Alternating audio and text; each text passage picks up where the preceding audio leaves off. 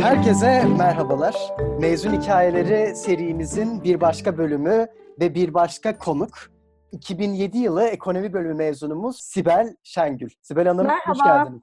Hoş bulduk, merhabalar. Sizlerle olan kayda hazırlanırken internette oldukça az içerikle karşılaştım. Fakat bu ne sizi üssün ne de dinleyiciyi tam şu an bölümü dinlerken üssün. Samimi söylüyorum bu kadar az konuk alakadar bilgiyle bu kadar çok konuşacak öz bilgi ilk defa karşıma çıkıyor. Bunu bölümün devamında da aktarıyor olacağım. Özellikle uzaktan çalışmaya birazcık değiniyor olacağız. Neden değiniyor olacağımızı sizler hikayenizin belli bir kısmında daha çok aktarıyor olacaksınızdır. Ve bir yandan da oldukça ilginç bir kitabınız söz konusu. Çok meraklı sorularım var. Onu biraz irdelemeye çalışacağım. Lafı çok uzatmak istemiyorum. Ben sizleri ilk sorumla baş başa bırakmak istiyorum. Üniversiteye başlamadan yani yolunuz Denizli'den İstanbul sokaklarına geçmeden diyeyim. Sizler için o Denizli'de yoğunca ders çalıştığınız vakitler akılda hep İstanbul'a gelmek mi vardı? Eğer cevap evetse neden İstanbul'a gelmekte arzu? Ve bir yandan da tabii neden ekonomi okumak ve Koç Üniversitesi'ydi? Neden İstanbul'a geldim? Çünkü benden iki yaş büyük bir kardeşim var. Ee, o da Koç bilgisayarda okuyordu o zamanlar. Neyi seversin, neyi sevmezsin dediğinizde kardeşim sana göre değil mühendislik. Bence sen ekonomi oku. Benim burada gözlemlediğim kadarıyla ekonomide okuyanlar biraz daha senin gibi. Sen ekonomiyi daha çok seversin dediği için de ekonomiyi tercih ettim. Yani biraz böyle cumburlop bir giriş oldu. Ancak e, mesela dün bir şeye katıldım mezunlarla buluşmalarda Cevdet hocamızın bir e, şeyi vardı görüşmesi konferansı. E, yani onun mesela sohbetini dinlerken tekrar fark ettim. İyi ki ekonomiyi seçmişim. Yani bir an bile hiç pişmanlık duymadım. E, çok çok memnun oldum her zaman için seçimimden. Çünkü bana göre ekonomi sizin genel olarak tüm hayata bakış açınızı etkileyen bir bölüm. Yani hayatı nasıl yaşamanız gerektiğine dair size mantıksal ipuçları sunuyor. Yani neyi neden tercih ediyoruz, devamında ne hissediyoruz, nasıl daha e, verimli ve keyifli ve anlamlı bir şekilde hayatı yaşayabiliriz. O yüzden evet bilinçsiz bir tercih oldu ancak e, sonrasında çok memnun kaldım. Anlıyorum. Şimdi üniversite yıllarınız alakadar birazcık düşündüğümüzde aklınıza neler geliyor? Önce şuradan başlayayım. Benim aklımda kalan en çarpıcı şey e, belki de ironik bir biçimde e, biz mezun olduğumuz zaman hani mezun mezuniyet töreninde birisi konuşma yapar. İşte ya işte önemli bir şahsiyettir. işte Microsoft'un CEO'su ya da işte daha farklı bir üniversitenin rektörü. E, bizde zannedersem Atilla Aşkar konuşmuştu. Çok emin değilim ama mezuniyet konuşmasında şunu söylemişti her şeyi bilemezsiniz. Herkes her şeyi bilemez. Ancak biz burada size çok kıymetli bir şey gösterdik. O da bilgiye ulaşmanın yolları. Siz bunu bildiğiniz müddetçe her zaman e, muvaffak olursunuz. Her girdiğiniz ortamda çok çabuk adapte olursunuz ve e, çok hızlı yol alırsınız.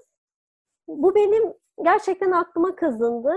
Çok çok doğru bir şey. Yani artık e, zaten bu gün geçtikçe daha da çok bariz bir hale geliyor. Hani Google var veyahut da eskiden olduğu gibi hani dört kere dört nedir ezbere söylemektense artık herkesin elinde hesap makinesi var. Önemli olan sizin onu nasıl kullandığınız, bilgiye nasıl eriştiğiniz. O anlamda benim o aklımda kalmış. Bir de şu e, bizde ben okurken şu anki sistem nasıl bilmiyorum ama e, bizim pek çok sınavımız open book'tu. E, ve bazılarında Formula Sheet de serbestti. İşte istediğini yap, onu yap, bunu yap.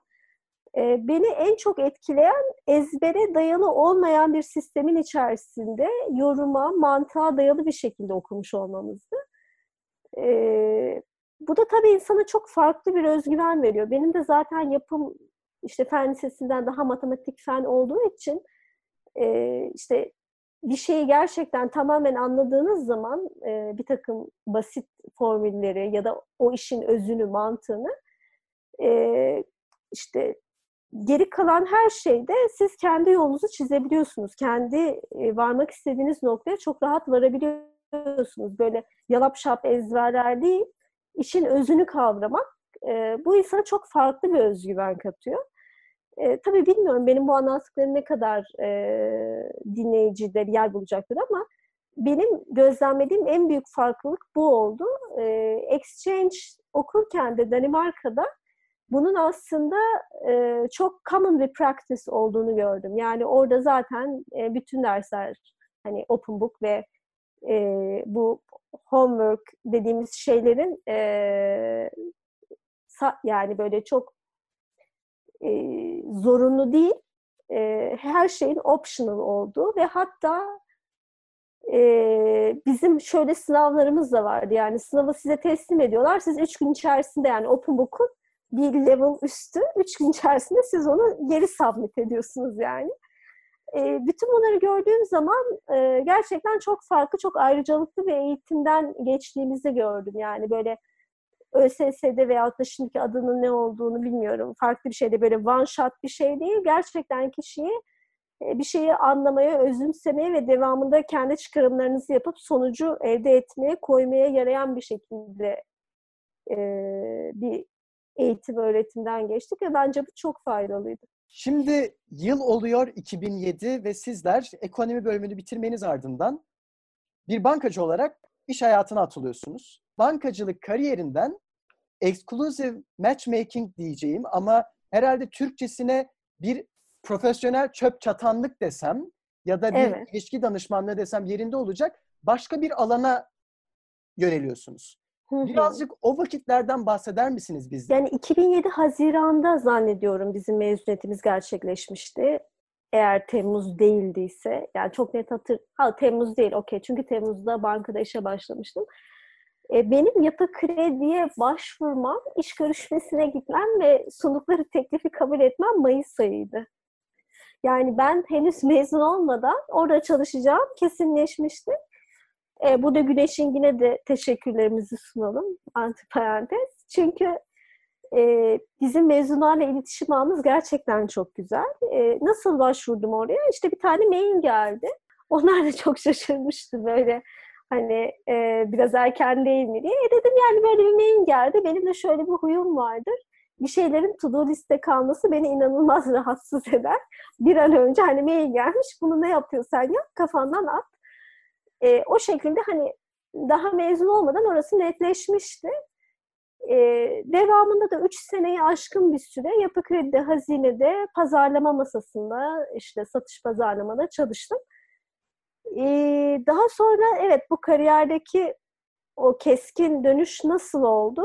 E, yaz okulunda bir case study olaraktan böyle bir e, şeyi incelemiştik. Sene 2005 ya da 2006 olabilir e, böyle bir matchmaking, exclusive dating vesaire ilgili bir case study incelemiştik. Öyle bir şey benim kafamın arka planında kalmış. Daha sonra bankada çalışırken benim motivasyonum şu oldu açıkçası. Ya dedim ki ben bu işi yapmak istemiyorum. İş güzel, keyifli, e, prestijli diyebileceğimiz insanların girmek istediği bir bölümdü ve hani maddi olarak da evet yani gayet tatmin ediciydi. E, Cihangir'de yaşıyordum yalnız ve çok keyifli bir hayatım vardı. Böyle para da kazanıyorsunuz. E, hiçbir şey olmanıza değil. Gayet güzel bir hayat. Ama e, bana şey olarak uymadığını fark ettim. Daha sonra oturdum kendimce bir e, muhasebe yaptım. Dedim ki ben neden hoşlanıyorum, neden hoşlanmıyorum? İşte her zaman olduğu gibi erken uyanmaktan hoşlanmıyorum. Bir başkasının bana ne dememi gerek, ne yapmamı gerektiğini söylemesinden hoşlanmıyorum. Piyasalar zaten uğrumda değil. Ee, ben hiçbir zaman böyle çok hesap bilen bir kişi olmamışımdır. Ee, bu da herhalde bilmiyorum iyi mi kötü mü pek umurumda değildir yani neyin fiyatı ne kadar piyasa nereye gitmiş ne olmuş. Ee, hani bu da ayrı bir ilgi alanı çünkü. E, bütün bunlardan yola çıkaraktan e, elimde de diyelim ki belli bir sermaye var. Çok fazla bir şey de yok. Ne yapabilirim diye düşündüm. Farklı e, meslek dallarını sorguladım. Ve en iyi yapabileceğim şeyin bir servisi satmak olduğunu düşündüm. Yani siz bir mal aldığınızda onun bir maliyeti var, işte saklama bedeli var, bilmem nesi var, çok farklı riskleri var. Ben bir servis sunayım dedim. ve e, çevrem de geniş. İnsan çok fazla insan tanıyorum. E, hani bu alanda şansımı denemeye karar verdim. Ve açıkçası benim için cazip olan şey de bunun hiçbir zaman yani henüz Türkiye'de yapılmamış olmasıydı. Farklı ve yeni bir şey denemek e, bana heyecan verici geldi. E, o sebeple istifa ettim ve e, bu yeni işe başladım. Ama şöyle söyleyeyim, istifa ettim ve buna başladım belki bizi dinleyen e, yeni mezunlar için şey olabilir. Aa ne kadar güzel, ben de öyle yapayım falan. E, ancak istifa etmeden önce başladım bu işe ve karlılığın olduğunu gördüğüm noktada noktaya koydum, bıraktım. Çünkü günün sonunda birilerinin kirayı, faturayı, şunu bunu ödüyor olması lazım. O yüzden de buradan uyarayım yani hani bir fikir buldum deyip istifa edilmemeli tabii ki de. Ee, bir şey profit loss o bir şeyinize bakın. Bu sizi götürüyor mu ona göre hareket edin.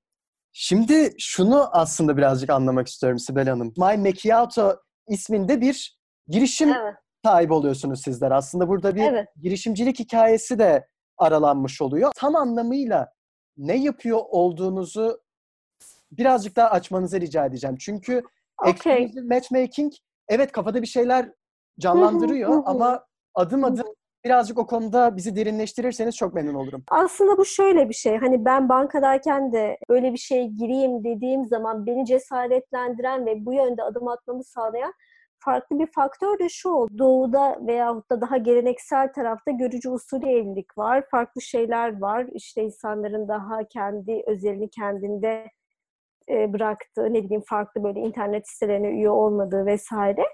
Bunun aslında başka bir eşleniği de e, daha beyaz yaka tarafta var. Hani siz ne kadar kariyerinizde iyi bir yerdeyseniz e, veyahut da bu alanda isim yapmışsanız ve kendinize göre belli bir çevreniz varsa orada da aslında kendinize uygun birini bulmanız zorlaşıyor. Zira siz e, herhangi bir yerde e, üyelik o üyelik e, yapmaktan, bir kayıt açmaktan çekiniyorsunuz. Çünkü iş çevresinde yahut da e, diğer alanlarda, farklı taraflarda herkes sizi biliyor ve tanıyor. E, sizin de kariyerinizde iyi olmanız için, yani başarılı olabilmeniz için birazcık mesafeli durmanız lazım ki insanların insanlarda sözünüz geçsin. Yani böyle çok kendinizi açık etmemeniz lazım. Özellikle benim çalıştığım katta örneğin e, bizler böyle dealer, trader her neyse e, herkes kendi masasında telefonu, messenger'ı açar, kapar bilmem ne. Kimse kimsenin özel hayatını bilmez. Yani böyle çok fazla böyle aile ortamı, aa lay lay loy loy işte senin çocuğunun doğum günü mü bugün falan gibi bir ortam yok. E, ki ben bunun yurt dışı versiyonlarında çok daha e, katı olduğunu da duydum. Yani 10 sene aynı yan yana görev yaptığı dealer ya da bankacı arkadaşıyla arasında hani hiçbir şey yok. Yani nerede oturduğunu bilmez, Hani evli mi bekar mı hiçbir şey bilmez. Ee, böyle daha diskret bir servis vererekten burada ortak bir tane agent olsun. Sizin size özel vize danışmanınız veyahut da emlakçınız veyahut da farklı bir şey gibi. Siz sadece o kişiye söyleyin. O bilsin sizin özel işte durumunuzu ve size uygun biri olduğu zaman da e, çok böyle to the point bir şekilde sizi bilgilendirsin ve bu iki kişi bir araya gelsin. Örneğin kanyonda bir restoranda bu tanışsın, buluşsun e, ve buradan bir şeyler de olsun. Yani bu aslında e, çok çok özel, çok niş bir alanda verilen bir hizmet oldu. Biraz bana şey gibi geldi. Yani böyle mobil uygulamaların henüz bu Olmadı. alana o kadar daha nüfus etmediği bir dönemde sizler o kısmı birazcık daha sanki bir dediğiniz gibi ortak paydada bazı aktörleri de araya köprü görevi götürerekten bir birleştirme evet. Platformuna dönüştürmüşsünüz olayı. Burada şu da çok ilginç. E şimdi tabii böyle bir konu yeni gündeminiz olunca artık sizlerin de muhtemelen yatıp kalktığı, düşündüğü ana fikir insan ilişkileri. İnsanlar evet. şimdi A kişisi B ile bizim işimiz aracılığıyla buluşturuldu. Anlaştılar mı, anlaşmadılar mı? Devam hmm. ediyorlar mı, etmiyorlar mı? Burada muhtemelen aslında dediğim gibi gene çok da sanal yollarla olmayan büyük bir veri bilinci insanda oluşuyor ve sizler yanılmıyorsam, yanılıyorsam beni düzeltin. bunların her birinden de birazcık esinlenerek 2013 yılında oldukça ilginç bir kitap kaleme alıyorsunuz. Neden hala bekarsınız? Kitabı kaleme alma hikayeniz, oradaki sizi ateşleyen ya ben bir şeyleri artık bu konuda yazmalıyım. Ne oldu? yani sizi sizi ateşleyen şey deyince bu böyle çok şey bir şey oldu böyle sanki böyle çok ulvi bir yerden böyle bir şey geldi ve artık içimde bu vardı böyle bunu artık ateşleyip sunmak istedim gibi. E, açıkçası samimi olmak gerekirse şöyle, e, bu şirketin işte kuruluşu 2009, benim istifa etmem 2010 sonu e, vesaire ve e, o dönemde bu olay çok fazla gürültü kopardı. Gürültü koparmasını zannedersem başlıca sebeplerinden biri e, benim profilim oldu. Çünkü hani yok işte koçtan mezun, yok işte şöyle güzel bir işte çalışıyor, vay efendim istifa etmiş.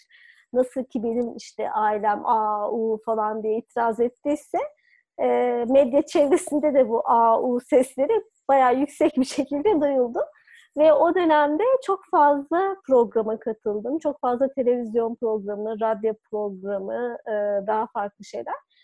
E, konuk olduğum programlarda da çok çeşitli şeylerden konuştuk. Hani bir noktada tıkandık yani. Devamlı bir yerlere konuk olduğumuzu düşünün ve artık konuşacak bir konu e, arıyorsunuz. Daha yeni ne olabilir? Ve insanlar da o dönemde kitap yazmam konusunda beni e, destekliyorlardı. Bir yayın eviyle anlaştık. Onlar dediler biz sizin kitap yazmanızı istiyoruz. Lütfen kitap çıkarın. E, işte sizin üzerinizden biz de e, tekrardan ne bileyim işte o yayın evi de e, sizinle beraber işte yeni bir başlangıç yapmak istiyor. E, o anlamda o şekilde gelişti. Kitap çıkardım. Tabii köşe yazarlığı da yapıyordum zaten. Yani hali hazırda birikmiş bir e, database vardı. Hani kullanabileceğim işte yazılarım vardı. E, o şekilde çıkardım kitabı. Güzel de oldu. E, keyifli de kitabı işte promote etme turları vesaire. Şu beni oldukça şaşırttı. Kitabın birazcık daha yorumlarıdır, içeriğidir. Bu konuda internette gezinirken Hı-hı. ilk başta kitabın ismi kulağıma çalınınca dedim ki herhalde birazcık daha yani nasıl diyeyim medyatik bir çöp çatanlık alakadar kitapla karşı karşıyayız. Ama şunu fark ediyorum.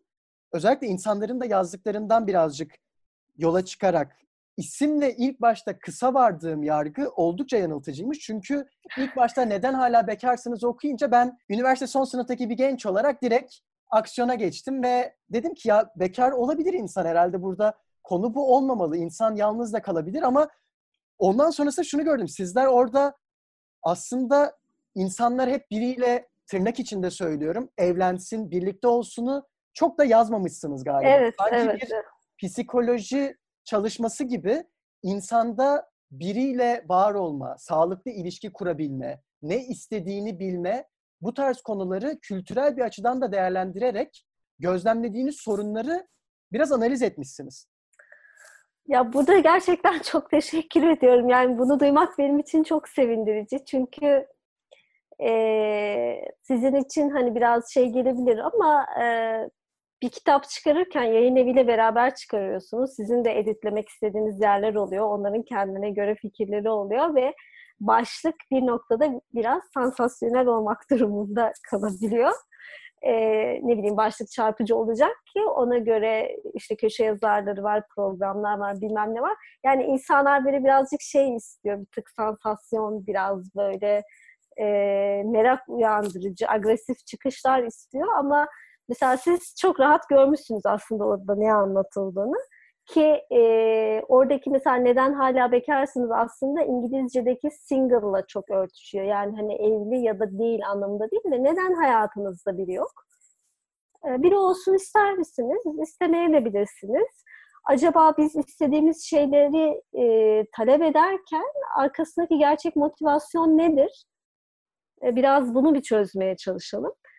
E, devamın yani istediğimiz şeyleri gerçekten bilinçli mi istiyoruz? Çok fazla çabaladığımız şeyi elde etmek neticesi bizi gerçekten mutlu edecek mi? Yoksa böyle ezbere mi konuşuyoruz? Ee, bunların E, bunları analiz ettim. Bunlara yanıt aradığım bir kitap oldu aslında. Ama tabii yani başlık vesaire dediğim gibi bunlar birazcık daha ticari kaygılar olmuş oluyor. Şu ara insan kaynakları ve kariyer koçluğu üzerine çalışıyorum diyerek bir göz kırptınız. Ama işin ilginç kısmı, gene yanılıyorsam düzeltin. Hı hı. Sizler Endonezya merkezli bir şirkette evet. bu tarz bir rolü taşıyorsunuz. Yani dediğim gibi burada gerçekten iki tane büyük kırılım var. Yani dinleyenler ilk başta belki sizlerin yapı krediden geçişini dinlerken diyeceklerdir ki ya başka bir sektör mü yoktu? Nasıl birden denk geldi? Ve Endonezya kısmında da belki de tekrar soracaklardır. Ya başka bir ülke mi yoktu? Nasıl birden Asya'nın o kısımlarına doğru uzandınız?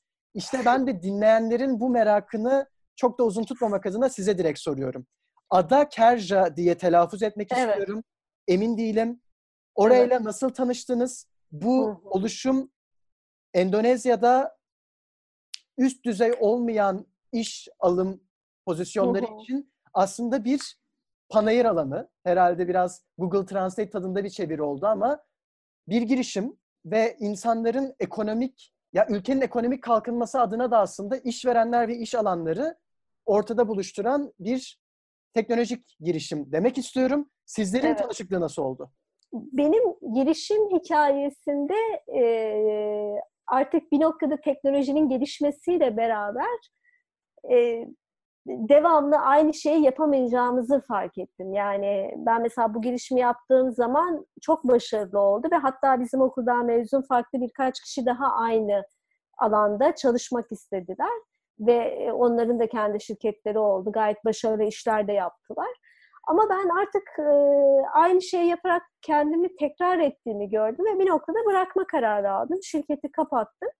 Ve sonrasında e, bizim bir denizcilik şirketi var, aile şirketi. Orada çok küçük bir rol üstlendim. İşte ithalat, ihracat alanında e, bilgisayar üzerinden, e, bu tabii benim CV'mde yoktur size de şu an e, öğreniyorsunuzdur. İthalat, ihracat üzerinden, e, mail üzerinden kontrol edebileceğim bir e, formattaydım. O arada şunu düşündüm. Dedim ki benim hangi yetkinliklerim var ve ne yapmak istiyorum? Ben mezunlarımıza da bunu tavsiye ediyorum. Yani işte şu an herkes ne yapıyor, nerede iş bulayım, ne var ne yoktan ziyade biraz da kendinizi dinleyin. Yani benim yetkinliklerim neler e, ve ne yapmak istiyorum? E, ben hali hazırda diyelim ki evde miyim, bilgisayarım var mı, internetim var mı, dil biliyor muyum? İşte şu şu şu özelliklerim var mı? Okey. O halde ben e, daha farklı nasıl katkıda bulunabilirim? Nerede çalışabilirim? E, bunu hesapladıktan sonra e, özellikle herkese tavsiye ederim. Angel List adında bir platform var. Angel Co ya da Angel List olarak geçiyor. Orada kendime bir CV hazırladım. İşte ilgi alanlarım, yapmak istediklerim, yetkinliklerimi belirttim. Ve e, bu platform özellikle startuplar için bir platform. Startup kurmak isteyenler, co-founder arayanlar, kendisine çalışan arayanlar burada yer alıyor. Burada ilk olarak da kendime günde iki saat e, vakit ayırabileceğim ama aynı zamanda çok fazla teknik şey öğrenebileceğim bir şirket buldum. Hindistan menşeli bir şirket, e, bir startup. E, chatbot üzerine yani e, sizler bir internet sitesine girdiğiniz zaman otomatik konuşan botlar oluyor ama conversation çok real e, devam ediyor. Yani çok fark etmiyorsunuz bir botla konuştuğunuzu. Mesela şu anda Zoom'da da var kendi botu. E, bu şirkette, e, bu platform aracılığıyla tanışıp bu şirkette çalışmaya başladım ilk olarak. E, çok keyifli bir şirketti. Çok fazla şey öğrendim. Bütün bu diyelim ki bu Zoom e, veyahut da yine Loom diye farklı bir tool var. Zapier var. İşte yani çok fazla remote çalışma e, teknolojisi var. Böyle çok fazla kullanılan aletler var. İlk olarak burada başladım. Daha sonra kendime güvenim geldi. Bu da gene remote bir şirketti. Daha farklı ne yapabilirim diye düşündüm ve farklı bir startup olan Singapur menşeli ancak Endonezya'ya hizmet veren e, şirket Ada Kerja'da başladım.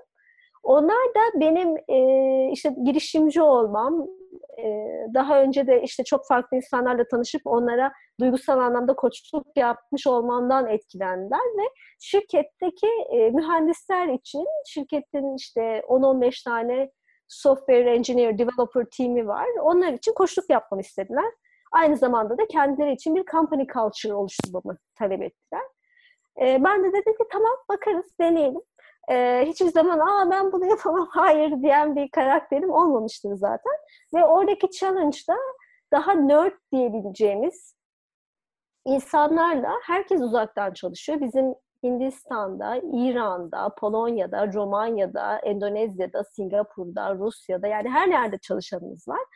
E, remote e, bir şirkette çalıştığınız zaman şu avantajınız var. Dünyanın her yerinden insanları kiralayabilirsiniz. Florida'da, başka yerde. Bu insanlara e, kariyer koçluğu yapmak, kendilerini e, bu şirkete ait hissetmelerini sağlamak, happy hour'lar düzenlemek, bir company culture oluşturmak kendimize yönelik. Bu alanda görev aldım. Yani yaklaşık bir senedir iki farklı şirkette remote olarak çalışıyorum. E, bu virüs dolayısıyla mesela herkes evden çalışmaya geçti. Daha önceden böyle beni dalgaya alan arkadaşlarım ya sen çalışmıyorsun, niye telefonumuzu açmıyorsun, sen evde neymişsin diyenler şimdi bana diyor ki ya evden çalışmak ne kadar zormuş. Hiç off olamıyoruz, hiçbir zaman e, serbest vaktimiz olamıyor. Sen o ayrımı nasıl yapıyorsun? E, ben de şu an onlara diyorum ki bir de beni düşünün ben farklı time zone'larda çalışıyorum. Mesela ben pazar akşamları hep çalışırım çünkü Endonezya benden 5 saat önce açılıyor pazartesi gibi kaosa uyanmamak için her zaman pazar akşamı benim için çalışma akşamıdır. Ee, yani evet şu an için böyle farklı bir yere evrildi kariyerim. Herkesin kariyer yolu, herkesin şansı, şans da çok önemli bir faktör. Aynı olmuyor. Mezunlarımız ya da sizin gibi mezun olacaklarımız, mezun olacak öğrencilerimiz e, çok fazla stres e, yapmamalı. Yani çok da şöyle de düşünmemeli. Yani tabii ki de bu benim fikrim. Ya işte bunu seçtim, iyi mi yaptım? Acaba öbürünü mü seçsem daha mı iyi olurdu? Yani zaten böyle optimum en baştan en harika şeyi yaptınız diye bir şey yok. Her şeyi tecrübe ile öğreniyorsunuz, deneyimliyorsunuz.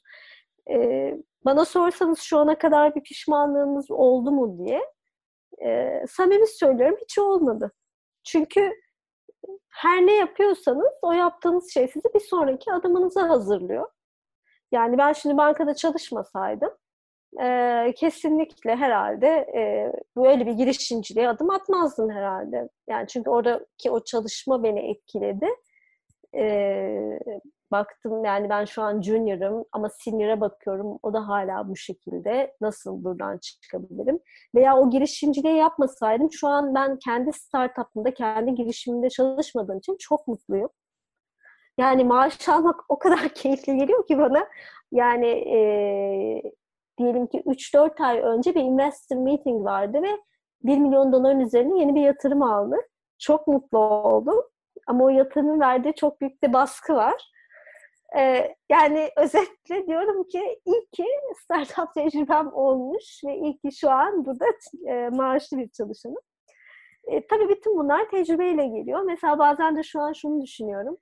E, belki de bir süre sonra, birkaç sene sonra e, bu işlere de bir müddet ara verip şöyle keyifli, ağzımın tadına göre bir master yaparım. Neden olmasın? O zaman da e, diyelim ki mezun olduktan hemen sonra master'a başlasam öf öf ederdim ama şu an e, bir master benim için çok çok daha keyifli olabilir. E, çünkü hani o çalışma hayatına çok girdiğiniz zaman aslında her bir dersin, her bir hocanın ne kadar kıymetli, ne kadar verici olduğunu görüyorsunuz. Yani belki de dün gerçekleşen Cevdet Hoca'nın e, toplantısı çok iyiydi. Yani özlediğimi fark ettim. Bundan da olabilir. Ama şu çok belli ki kendi evriminizi çok mutlulukla yad ediyor ve hala da yaşıyorsunuz. Yani özellikle bence son soruma verdiğiniz cevaba bitmek bilmeyen bir hevesle bence kendinize bazı noktalarda sorular sorarak devam ettiniz ve benim için de çok keyifli dinlemesi. Şunu merak ediyorum. Şimdi sizler de az önce aslında bir parmak bastınız ona. Uzaktan çalışıyorsunuz. Evet. Ve bizler bu kaydı korona, Covid-19 günleri içinde yaşıyoruz ve şu var ki uzaktan çalışma, remote work bunlar herhalde şu an arama motorlarında yeni son iki ay içinde trend olan aramalara bakılacak olsa ya birdir ya ikidir diyebilirim. Önümüzdeki her blokta nasıl yapılır, nasıl olmalı, nedir, ne değildir. Bu tarz şeyleri görüyoruz. Ve çok da yönlendirici kısımlar var gerçekten. Yani insanların tamam hadi uyandım, bilgisayarımın başına geçir, işimi yaparım diyeceği kadar da asla hafife alınacak bir durumdan bahsetmiyoruz. Şurada sizden şöyle bir öneri merak ediyorum ben sadece Sibel Hanım. Şimdi uzaktan çalışmak var ve bir yandan da zorunlu uzaktan çalışmak var. Yani şu an dünyanın büyük bir kısmı aslında uzaktan çalışmayı pratik etmiyor. Zorunlu olarak uzaktan çalışıyor. Ve burada müthiş bir ayrım var bence. Sizler hali hazırda uzaktan çalışmaya kurulu bir düzenin içinde yer alıp kendiniz üretmeye devam ettiğinizden ötürü şunu sormak isterim. Zorunlu olarak uzaktan çalışanlara bazı önerilerde bulunacak olsa eğer bu öneriler neler olurdu? Yani önce size e, şöyle bir tespitle e, yola çıkayım. Mesela geçen hafta e, dönem dönem şirket içerisinde herkesle birebir görüşüp bir oradan bir feeling alıyorum. Yani nasılsın, ne oluyor, neyi daha iyi yapabiliriz vesaire. Covid-19 ile ilgili de bir görüşme yaptım tabii. Emotional olarak neredeyiz, nasıl etkilendik? Bizim mühendisler sağ olsun hiç etkilenmemiş bile. Yani çoğu introvert. İşte Sibel ben zaten çok anlamamıştım. Yani ben evde olmayı seviyorum. İşte ben çok etkilenmedim. Hatta iyi oldu işte. Ben zaten çıkmıyordum. Kimse çıkmasın vesaire. Ee, ama oradaki bahsettiğiniz ayrıma katılıyorum. Evet, remote e, çalışma kültürü ayrı bir şey. Bir de işe gidemediğiniz için e, evden çalışmak çok farklı bir şey. E, tabii buradaki bence baş belirleyici şu oluyor. E, yani her noktada bu COVID-19 bu virüsün bizim hayatımızı etkilemesinde de aynı şey geçerli. Biz buna alışmalı, adapte olmalı ve yeni bir düzene geçmeli miyiz? Yani her zaman sizin mindsetiniz önemli. Benim kafamda bu geçici bir durum mu? Şu an idare mi ediyoruz ki benim gözlemlediğim o. Şu an şirketler idare ediyor. Geçici bir durum. O yüzden 9-6 çalışmak yerine işte 8'de de çalışan var, gece 12'de de arayan var. Çünkü insanlar remote çalışma kültürünü bilmiyorlar. Mesela bizim şirkette e, her şeyin belli e, ne derler raconu vardır. Yani akşam 9'da mail attığınız zaman ona karşılık almayacağınızı bilirsiniz. Herkes kendi time zone'una göre işaretlediği alanlardan mesul. E, şu an tabii insanlarda bir panik hali, e, uzaktan erişime geçmek ve bir bocalama dönemi var. Ama eğer ki bu kalıcı olacaksa tabii ki de orada kendine göre bir kurallar zinciri kurulur ve efektif çalışılır. Ama dediğiniz gibi şu an böyle idareten bir şeyler yapılıyor. İnsanlarda ne bir öğle arası mantığı var. İşte şunu bilmiyorlar işte ne zaman arasak ya da ne zaman e, bunu talep etsek e, uygundur, değildir. Bu ayrı bir kültür yani company culture olarak ayrıca e, yazılması gereken bir şey. Ve şöyle bir şey var hani Aa, tamam evde, evde olduğu için de bunu cevaplamak zorunda. Bu telefonu açmak, buraya mesaj atmak. Ama evde olmak demek e, yani otomatikman available olduğunuz anlamına gelmiyor. Zaten önceki de bir yanılsamaydı yani insanların aa işim var dışarıdayım dediğimiz ne kadar zaman işimiz var ve dışarıdaydık. Belki de uzanıp yatıyorduk. Ee, bizde tabii remote work'te bu daha şeffaf. Off zamanlarımız. Ee, şimdi de bilmiyorum gidişat neyi gösterir ama uzun dönem olacaksa tabii bu belli bir şeye oturtulmalı. Anlıyorum. Sibel Hanım geldik sona. Çok teşekkür ederim. Çok güzel bir enerjiyle bence cevap verdiniz her soruma. Oldukça da ilginç bir hayat hikayesiyle karşı karşıyaydım. Öyle mi oldu? Ben teşekkür ederim. İçinize sinen diğer her türlü ilginçlikle devam eder yarınlarınız diyeyim. Çok teşekkürler. Çok, çok teşekkür ederim. Ben teşekkür ederim. Sağ olun. Mezun hikayelerinde bir başka bölümün daha sonuna geldik. Bugün konuğum 2007 yılı ekonomi bölümü mezunumuz Sibel Şengül'dü. Bir başka hafta bir başka bölümle tekrardan kulaklarınızda olacağım. O vakte kadar kendinize iyi bakmanızı diliyorum. Esen kalın.